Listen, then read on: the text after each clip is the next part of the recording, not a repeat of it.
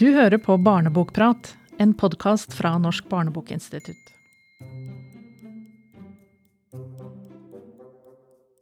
Da sier jeg velkommen til uh, nok en episode av podkasten Barnebokprat. Og i dag så skal vi snakke om uh, Kulturdepartementets priser.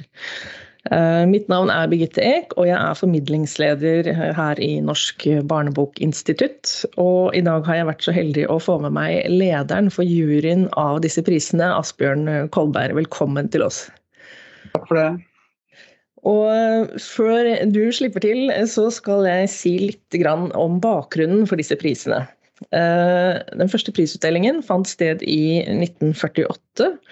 Og bakgrunnen for etableringen av dem var bl.a. ønsket om å styrke den nasjonale barnelitteraturen etter krigens knapphet på utgivelser, og skape en mot motvekt mot det økende antallet tegneserier som ble utgitt etter hvert som papirrasjoneringen tok slutt. Og vi kan jo si at tidene har forandret seg litt siden den gang.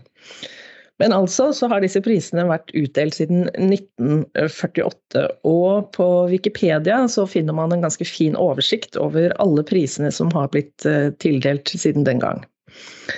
Eh, slik som prisene ser ut i dag, så består de av syv ulike priskategorier. Det er eh, litteraturpris, bildebokpris, fagbokpris, tegneseriepris, debutantpris, illustrasjonspris og oversetterpris. Og siden 2003 så har juryen og prisutdelingsarrangementet blitt administrert av Norsk barnebokinstitutt.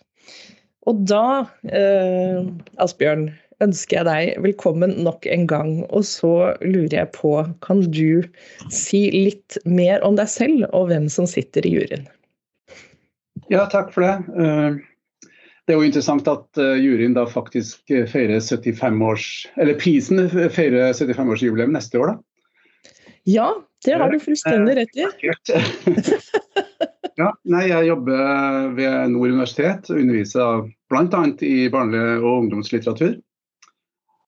Og har eh, jobba her en mannsdaler faktisk nå, da. Ja. Så det er en annen sak.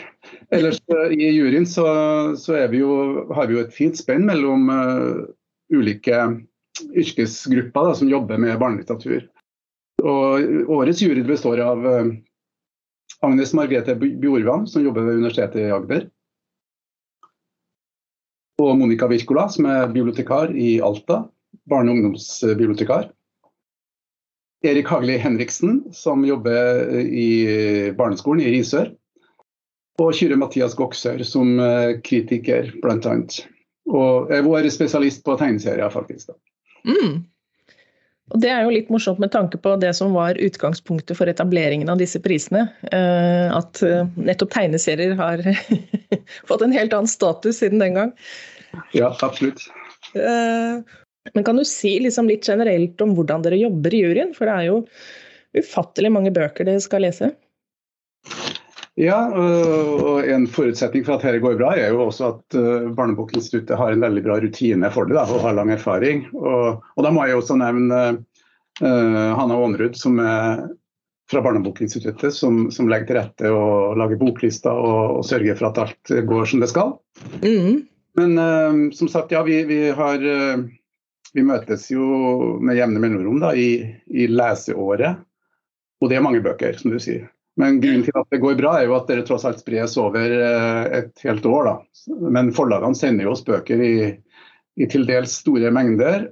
Så da må vi jo ha en slags eh, et system, og det går ut på at vi fordeler arbeidet ved at vi da tar på oss å være hovedleser for eh, ulike bøker. Altså Vi på møtene da går gjennom listene og så sier at den kan f.eks. jeg være hovedleser for, og den mm. kan være hovedleser for osv. Så, videre. så vi har et system som jeg syns fungerer bra.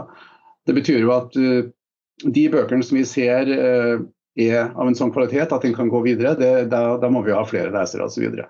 så for hvert møte så går vi gjennom boklista og ja, rett og slett uh, sjalte ut bøker som vi regner med kanskje ikke vil nå opp da, til slutt. Og mm.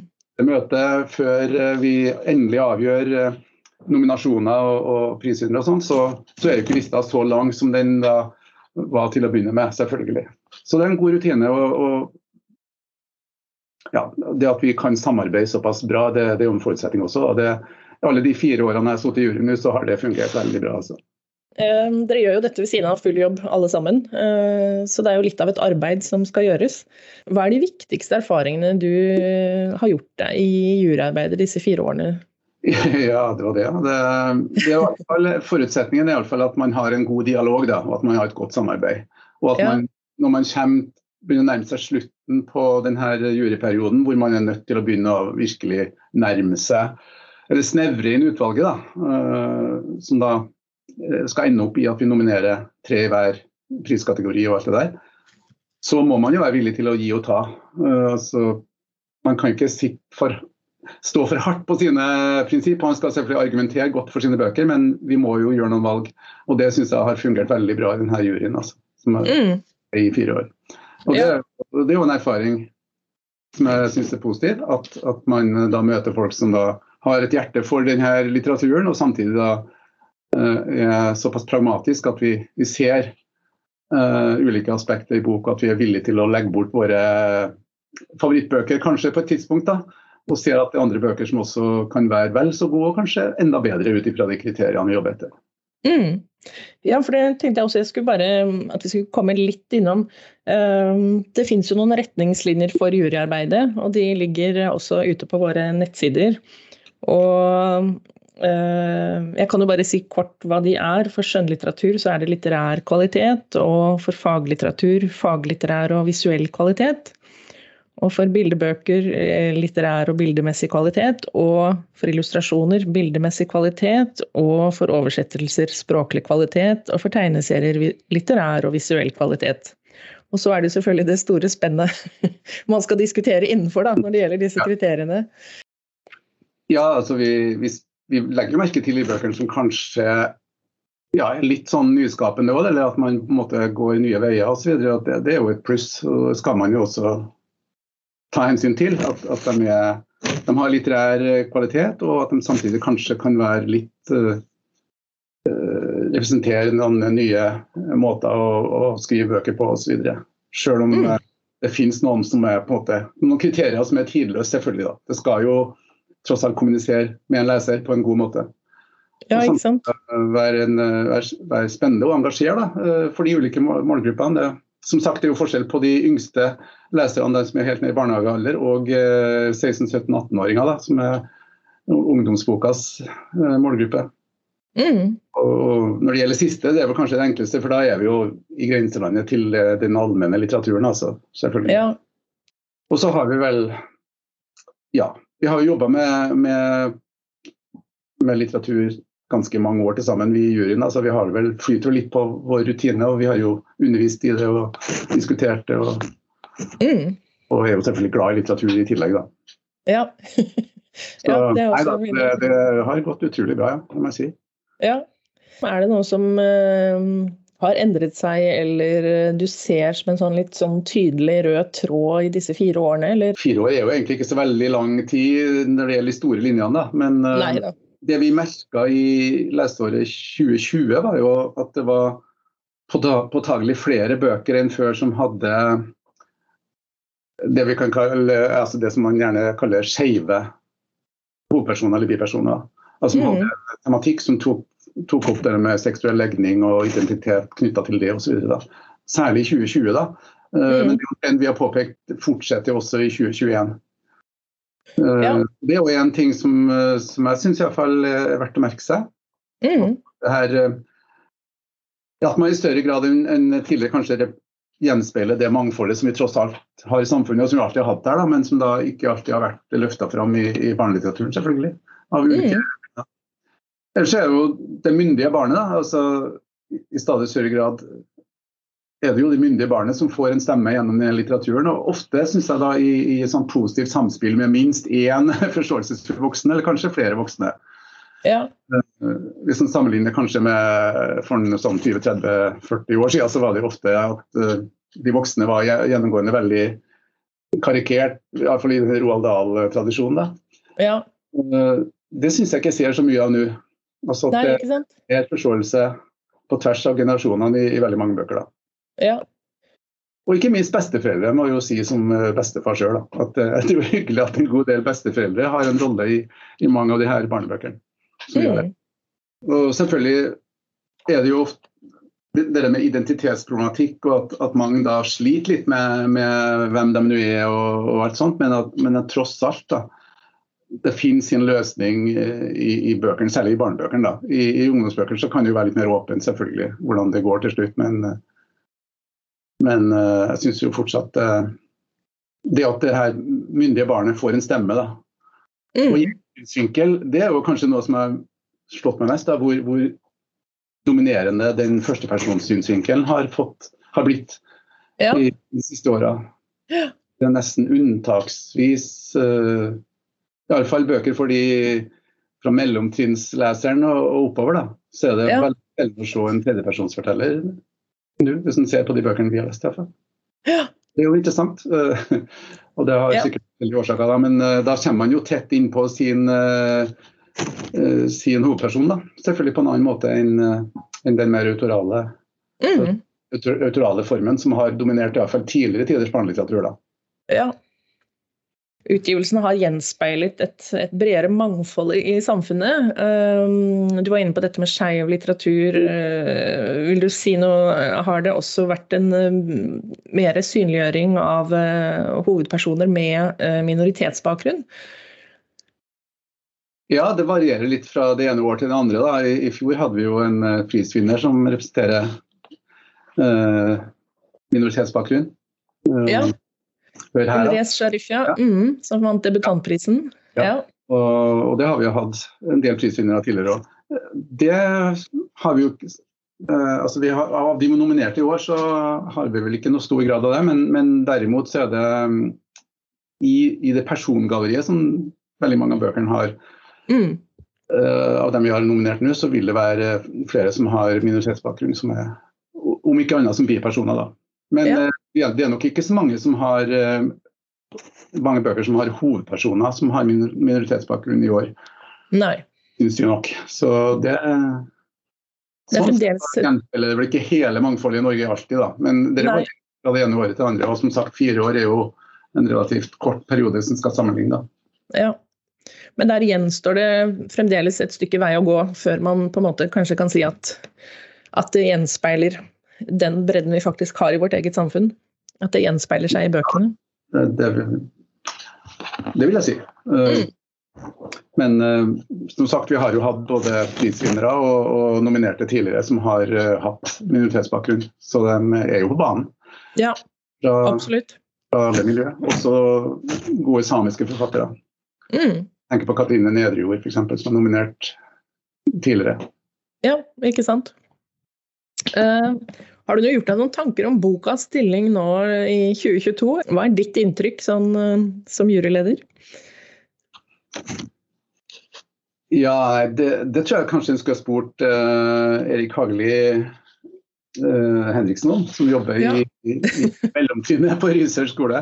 Ja han gir jo inntrykk av at boka fortsatt har en stor rolle. Altså. Mm. Han forteller jo om uh, hvordan uh, elevene blir veldig interessert når de leser smakebiter fra, fra f.eks. de bøkene som vi behandler og, og gjerne låner osv. Så, videre. så bygd på hans inntrykk så det, har man grunn til å være optimistisk. Og likeens Monica Wirkola uh, i biblioteket i Alta uh, gir jo inntrykk av at det er fortsatt ingen tvil om at boka har en rolle. da. Men, mm. man, men da spørs jo hva man legger i begrepet bok. For meg er jo boka selvfølgelig den artefakten som en papirbok er. da.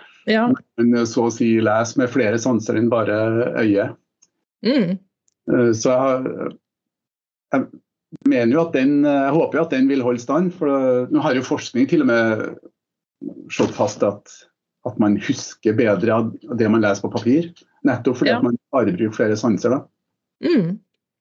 Men uh, lydbøker har jo en uh, viktig rolle. Og for dem som sliter med, med, lesing, så er jo klart lydboka er jo fantastisk flott, uh, flott medium. Mm. Så det, det, jeg hører, er jo, eller det man har lagt merke til, at det kanskje det, det, er vel kanskje færre barn som da setter seg ned og bruker lang tid på, på bøker som da ikke er av de helt korte slaget. Ja. Det, mm det er litt mer krevende kanskje å, å, finne tid og ro til å konsentrere seg om ei bok som er på 200 sider eller mer. Da. Det er jo mm. noen bekymringer knytta til det. Ja. Og det kan man jo sikkert òg legge til rette for f.eks. i skolesammenheng. At man, at man, har leseverksted og at man på en måte rydder plass til å lese bøker. Da. Og det har man jo gjort i skolen i, i, i 20-30 år altså, og lenger. Ja. Så, så, jeg håper jo at det fortsatt står ved lag. Mm. At man hjelper til å, å fremme denne gode lesestunda. Som kanskje ja. blir testa litt av alle andre medier uh, enda, i dag enda større grad enn for 20-30 år siden. Mm.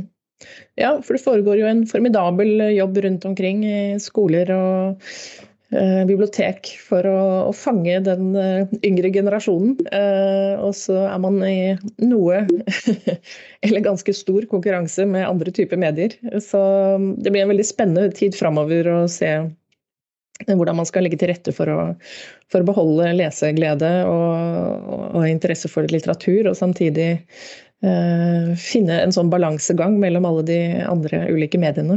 Det er, er ja. en av de største utfordringene vi står overfor. Uh, da kunne det også nevnes at vi, vi, vi vurderer jo også tegneserier. Og tegneserien er jo et medium som da eh, ikke tar så lang tid å lese, men det er samtidig veldig, mye, veldig god kvalitet og skjer veldig mye bra innenfor det mediet. Mm. Og for ikke snakke om bildebokmedier. Uh, ja. Veldig spennende. En annen som er veldig opptatt av dagens mediesituasjon og lesing blant barn og unge, er kultur- og likestillingsminister Anette Trettebergstuen, og her skal vi høre et klipp fra hennes tale under prisutdelingen 11. mars 2022. Tusen, tusen takk. Dette er en uh, dag og en uh, anledning jeg har gledet meg veldig til, for dette er uh, viktige priser for viktige bøker for det viktigste lesepublikummet. Et ord som ikke fantes da jeg vokste opp, men som pappaene til min sønn Gustav og jeg snakker mye om, det er skjermtid. Det er et ord som jeg dessverre tror finnes på alle språk. For eh, to år siden så kom det en undersøkelse som viste at 90% av alle 11-åringer har en smarttelefon. Og at nesten halvparten av alle barn og unge mellom 9 og 18 år bruker to timer eller mer hver eneste dag på mobiltelefonen eller iPaden. Så skal ikke jeg bruke min tilmålte tid her i dag på å snakke negativt om teknologisk utvikling, altså. Men, for det har jo ført med seg mange fantastiske goder, det er ikke det. Altså, Barn og unge verden over kan få felles referanser gjennom dataspill, og vi har generasjoner som nå vokser opp med et helt uh, fenomenalt uh, engelskspråk. Uh, ha venner fra fjern og nær, og ha kompetanse og kunnskap som vi voksne bare kan drømme om. Men det er også sånn at fristelsene er mange. Men lesing, det er en kunst, og det vet vi voksne. For våre unge så er det kanskje vanskeligere enn for tidligere generasjoner å kunne velge boka. Når eh, Snapchat-streaks, Fortnite og TikTok alltid bare er noen lette tastetrykk unna. Det er vanskeligere, kanskje, men det er ikke umulig. Fordi som dere vet, og som vi alle vet, så er ingenting mer magisk enn ei god bok. Det var et sted jeg brukte mye tid på da jeg var uh, liten, og det var på biblioteket. Bare noen steinkast fra mitt uh, barndomshjem på Ridabu, samme gate som Fallbakken bodde og Frida Ånnevik. Der ligger nemlig Vang bibliotek. Og på Vang bibliotek der vokste jeg på mange måter opp. Og jeg kunne fra Vang bibliotek reise fra Ridabu til uante destinasjoner gjennom bøkene. Og sånn kunne ei helt vanlig jente fra, fra Hamar plutselig befinne seg på planeter som aldri har eksistert, eller på kontinenter langt, langt unna. Jeg husker veldig godt den sommeren min leselyst ble vekka, der oppe på Vang bibliotek. Jeg er bare en ganske alminnelig mann som ikke kan forandre noe som helst. Orda tilhører Ole Lund Kirkegård, eller det er vel egentlig ikke han orda tilhører, orda tilhører Ivan Olsen, den fantastiske gummitasjen. Det kan godt hende at jeg hadde blitt en lesehest uansett, men jeg tror ganske sikkert at uh, Gummitasjan det var helt avgjørende bok for, mitt, for at mitt forhold til litteratur blei vekka der på Vang bibliotek, og at det forholdet forble lidenskapelig resten av livet. Og den leselysten skal vi vekke hos flere. Og leselysten starter med de aller, aller viktigste leserne, nemlig barn og unge. Og Derfor er jeg så stolt og lov til å være her i dag og få lov til å dele ut priser til eh, dere som skriver for de aller viktigste, nemlig for unga våre. Som gir barn og unge over hele landet, hjemme i stua, på sengekanten eller på biblioteket, magiske møter slik mitt møte med Gummitasjan var. Dette er også et viktig politisk arbeid, for det er ikke sånn at vi kan belage oss på å være et lesende folk for alltid. Vi vet at vi leser stadig mindre. Spesielt lite leser gutta våre. Og Som nevnt så kan det jo både virke gammeldags og vanskelig å forholde seg til mursteinsromaner hvis du alltid og vanligvis forholder deg til interaktive, blinkende skjermer. Men denne kampen skal ikke vi gi opp. Tvert imot. Regjeringa har sagt klart og tydelig at vi skal satse på bøker, på litteratur. Vi skal satse på lesinga. På bibliotekene og på bøkene i all sin bredde. Allerede første dag på jobb som kulturminister så satte jeg i gang arbeidet med en ny boklov, som den eminente Aslak Sira Myhre eh, leder. Dette var jo noe som Arbeiderpartiet nesten var i mål med sist gang vi styrte landet fra regjering, og som vi nå skal få på plass.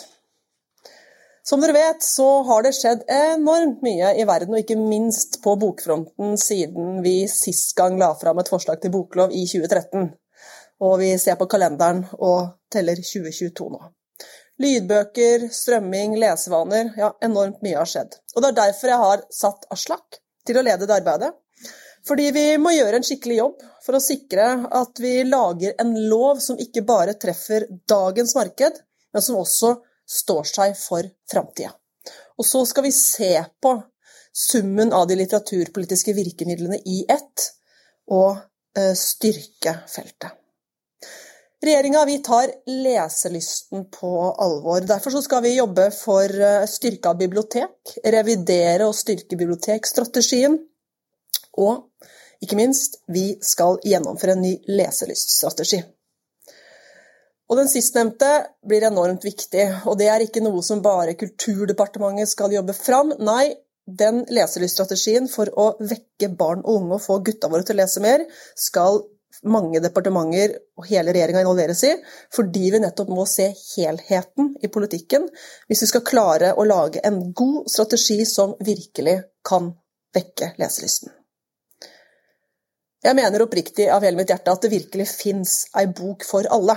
Ja, det finnes jo massevis av bøker for alle, men den boka den boka som får deg til å glemme tid, sted og rom, den boka som tenner livsgnisten i deg, den finner vi jo ikke alltid fram til sjøl.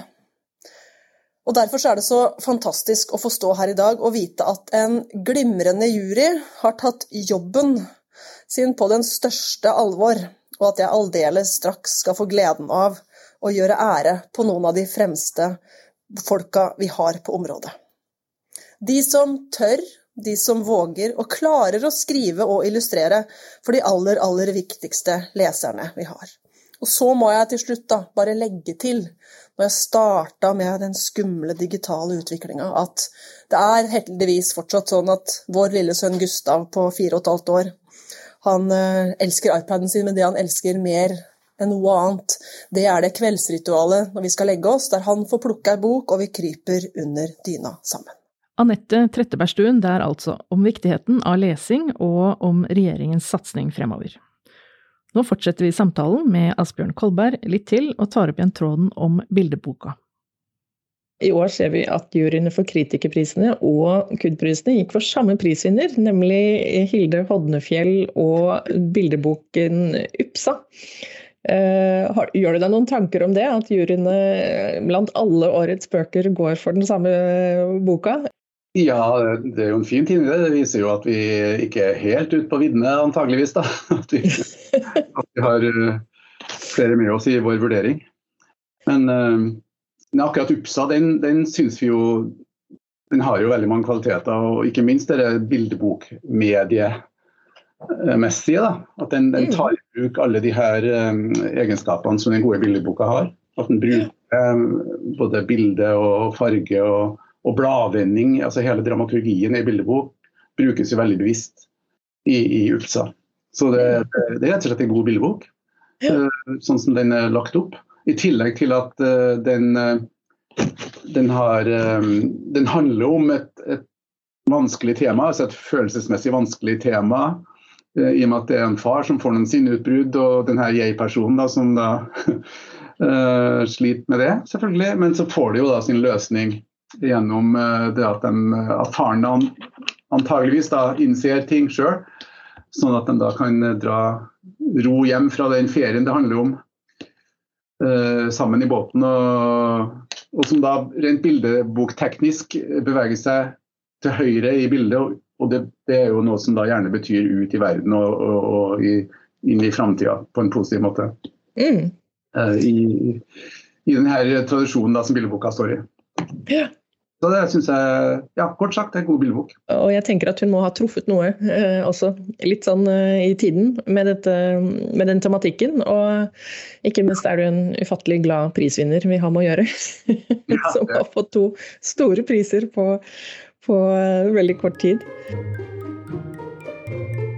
Bildebokprisen gikk til Hilde Hodnefjell for UPSA.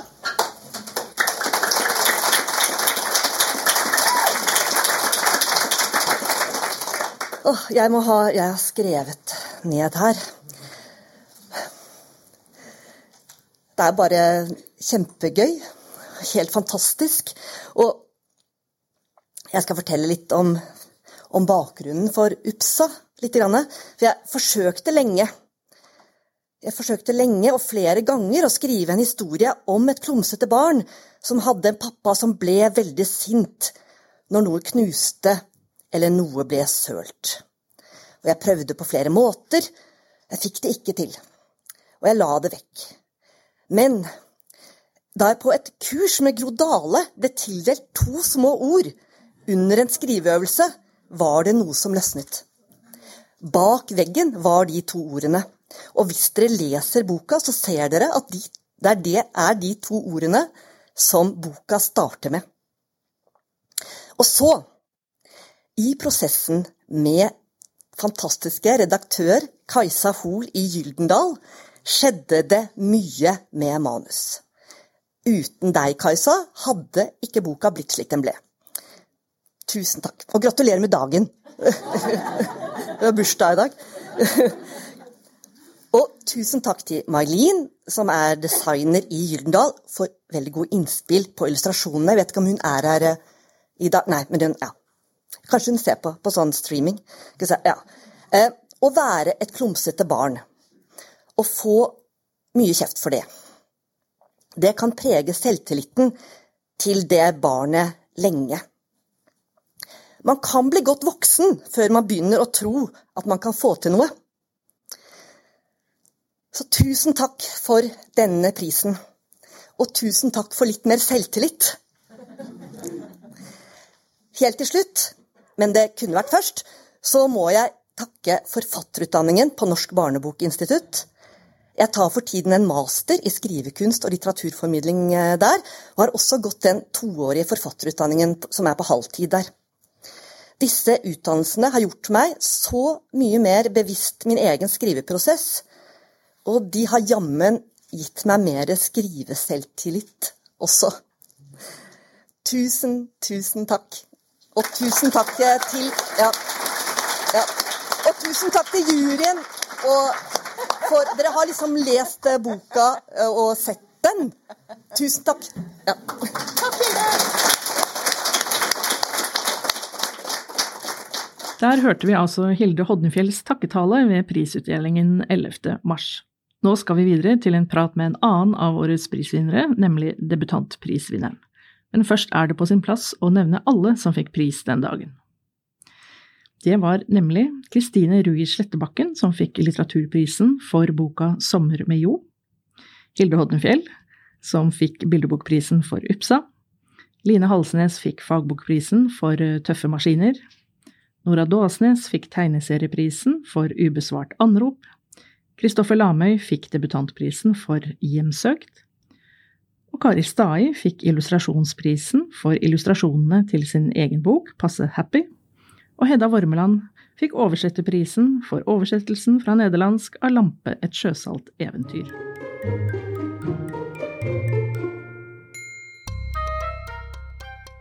Velkommen til podkasten Barnebokprat, Kristoffer Lamøy. Og vi sitter her fordi at du har mottatt Kulturdepartementets debutantpris 2021 for boka 'Hjemsøkt', utgitt på Gyldendal Forlag.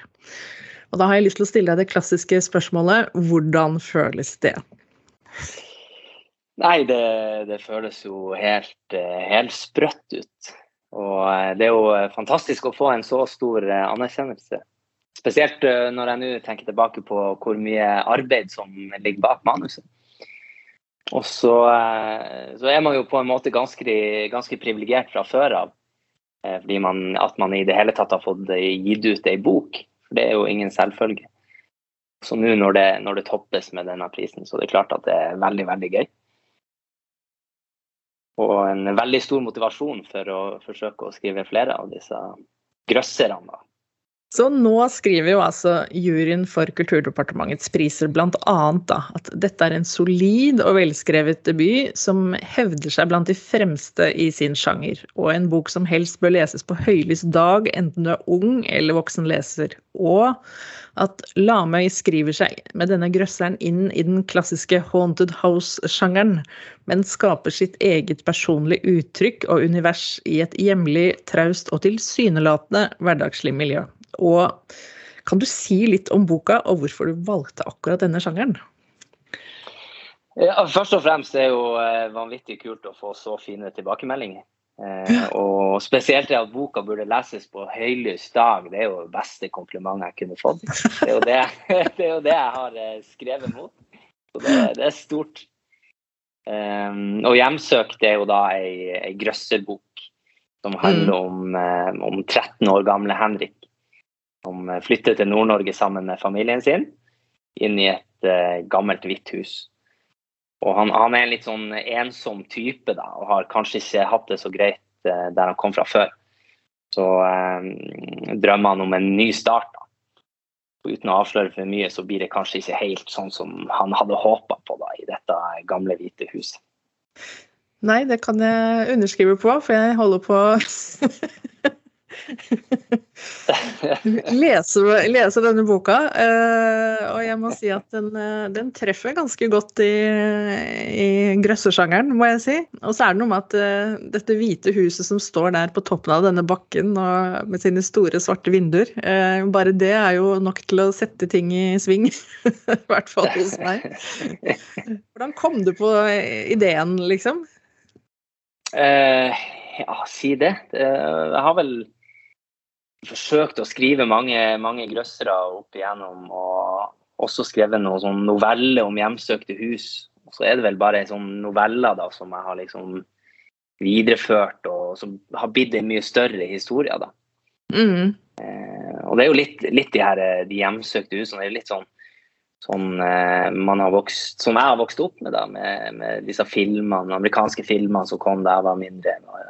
Haunted House-sjangeren og lest en del bøker, så hadde jeg vel eh, lyst til å, å forsøke det sjøl. Mm. Man kan jo alltid lure på hvorfor eh, hovedpersonen må gå inn gjennom disse dørene som alltid står litt på gløtt, og hvor man føler at det skjer skumle ting innenfor. Det. Hvis ikke de hadde gjort det, så hadde det jo ikke blitt skummelt. Men, eh, men, men jeg får inntrykk av at du da har lest og sett mye i denne sjangeren her. Eh, hvordan liksom griper du an eh, det å skrive en sånn type historie eh, og legge vekt på liksom hvordan det skal være en cliffhanger eller en spenningskurve uten å liksom tråkke over eh, på en måte at du skal holde på spenningen. Har du noen sånne ting du har jobbet eh, etter? Ja, jeg har jo eh, Og det er jo litt artig at du sier akkurat det. Hvorfor må, må de gå inn i dette rommet når man, når man kanskje vet at det er noe eh, At man kanskje ikke burde gå inn der. Så er det typisk en av de her grøsserklisjeene som jeg er veldig glad i. Mm. Gamle menn som gjør korsets tegn når de hører hvor du har flytta inn, og hemmelig rom i kjelleren, og katter som ikke vil inn i huset. Det var jeg, så, jeg syns det er så fantastisk eh, kult. Og alle de, disse hintene da, som, om at noe ikke er som det skal. Mm. Eh, og så har jeg vel egentlig bare prøvd å, å strukturere den sånn at eh, at leseren da hele tida skal, skal, lure på hva det er som, som er der. Ja. Eh, og liksom prøvd å gi litt og litt flere hint om, om hva det kan være som, som, skjuler seg i dette huset. da. Ja. Mm, eller jeg får veldig inntrykk av at du også treffer ganske godt i målgruppa. Um, jeg var bare så vidt inne på sidene til Foreningen Les, uh, hvor du har fått en del uh, bokanmeldelser i forbindelse med um, i forbindelse med nominering uh, eller til Bokslukerprisen, da. Og, og der er det jo flere av disse barna som uh, skriver at uh, du må være minst ti år eller gå på ungdomsskolen for å, for å, kunne lese boka fordi den er så skummel. Og, og en av de som skriver, uh, Arvid, han skriver også at, at for han som ikke var så glad i å lese, så klarte han ikke å legge denne boka fra seg. Så Eh, men hva tenker du selv om sånn aldersgruppe? Her får du det liksom svart på hvitt at, eh, at, eh, barna selv kommer og definerer en slags alder for, for hvem historien kan passe for? Uh, ja, de, de um, Jeg har jo også lest noen av de her, akkurat de her du sier nå. Og jeg har kanskje ikke tenkt så veldig mye Da jeg sendte det inn, så, så tenkte jeg egentlig at det skulle være ei ungdomsbok. Mm. Det var liksom der vi lå, eh, der vi lå sånn tanke på hvor skummel den var og hva som skjedde. Men også litt sånn i dialog med, med redaktøren i Gyldendal så bestemte vi oss for å, å senke det litt eh, til den her bokslukeralderen. Mm. Eh, så, så, det var litt sånn tilfeldig at det ble sånn.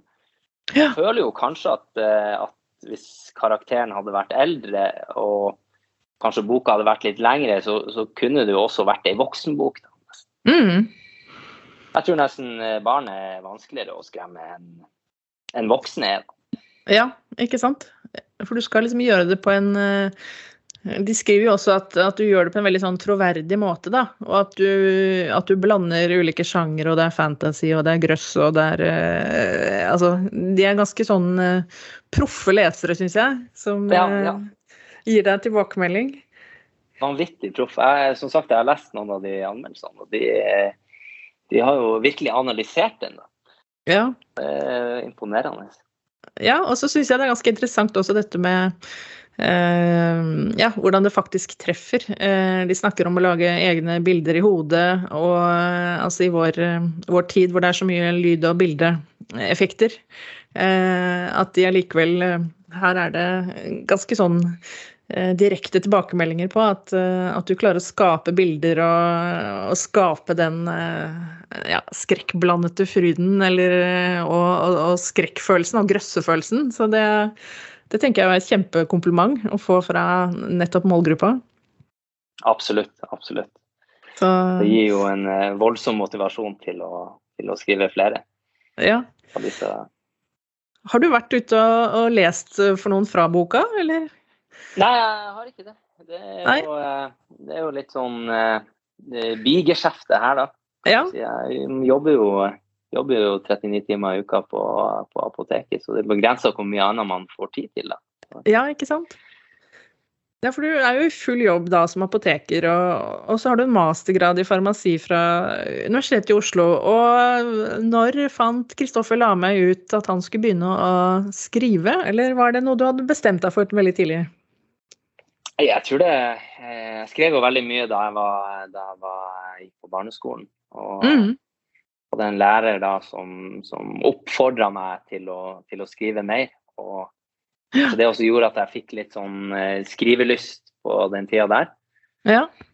Så har det vel, eh, har vel falt litt bort etter barneskolen og ungdomsskolen og vært noen år der, der jeg stort sett bare har lest, men alltid hatt lyst til å skrive en bok.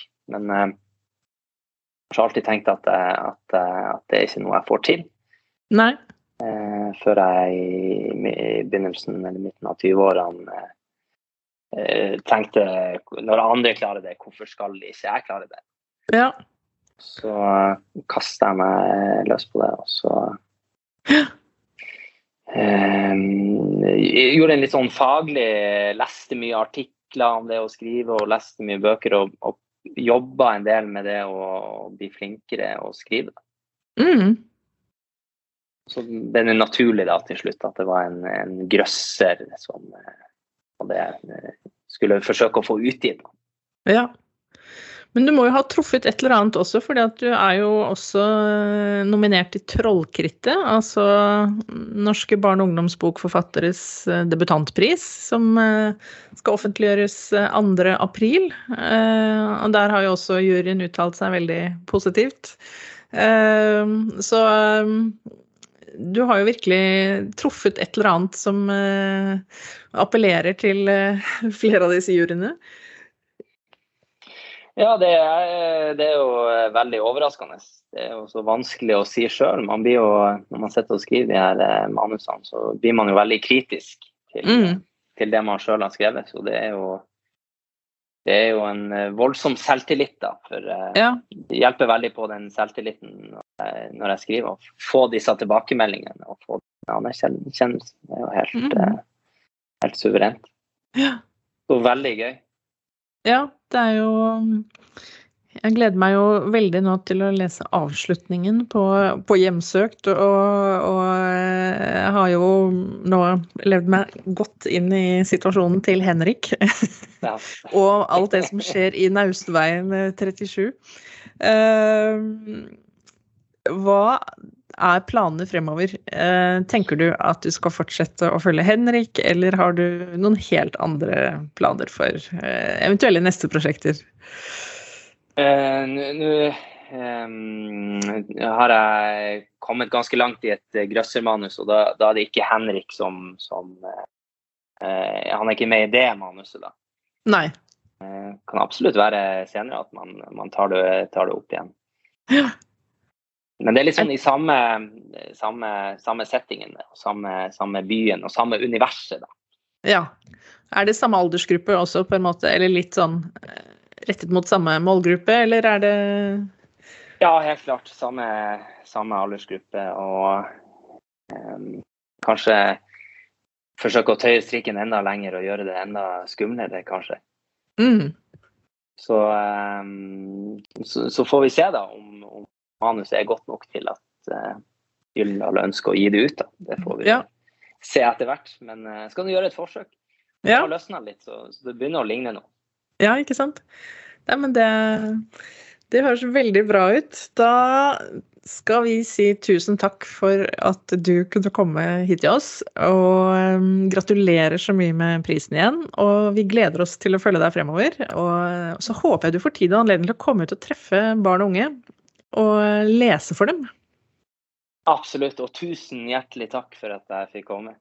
Da sier vi takk for nå. Takk for at dere fulgte denne episoden av Barnebokprat, og gratulerer igjen til alle prisvinnerne. Og så høres vi igjen i neste episode.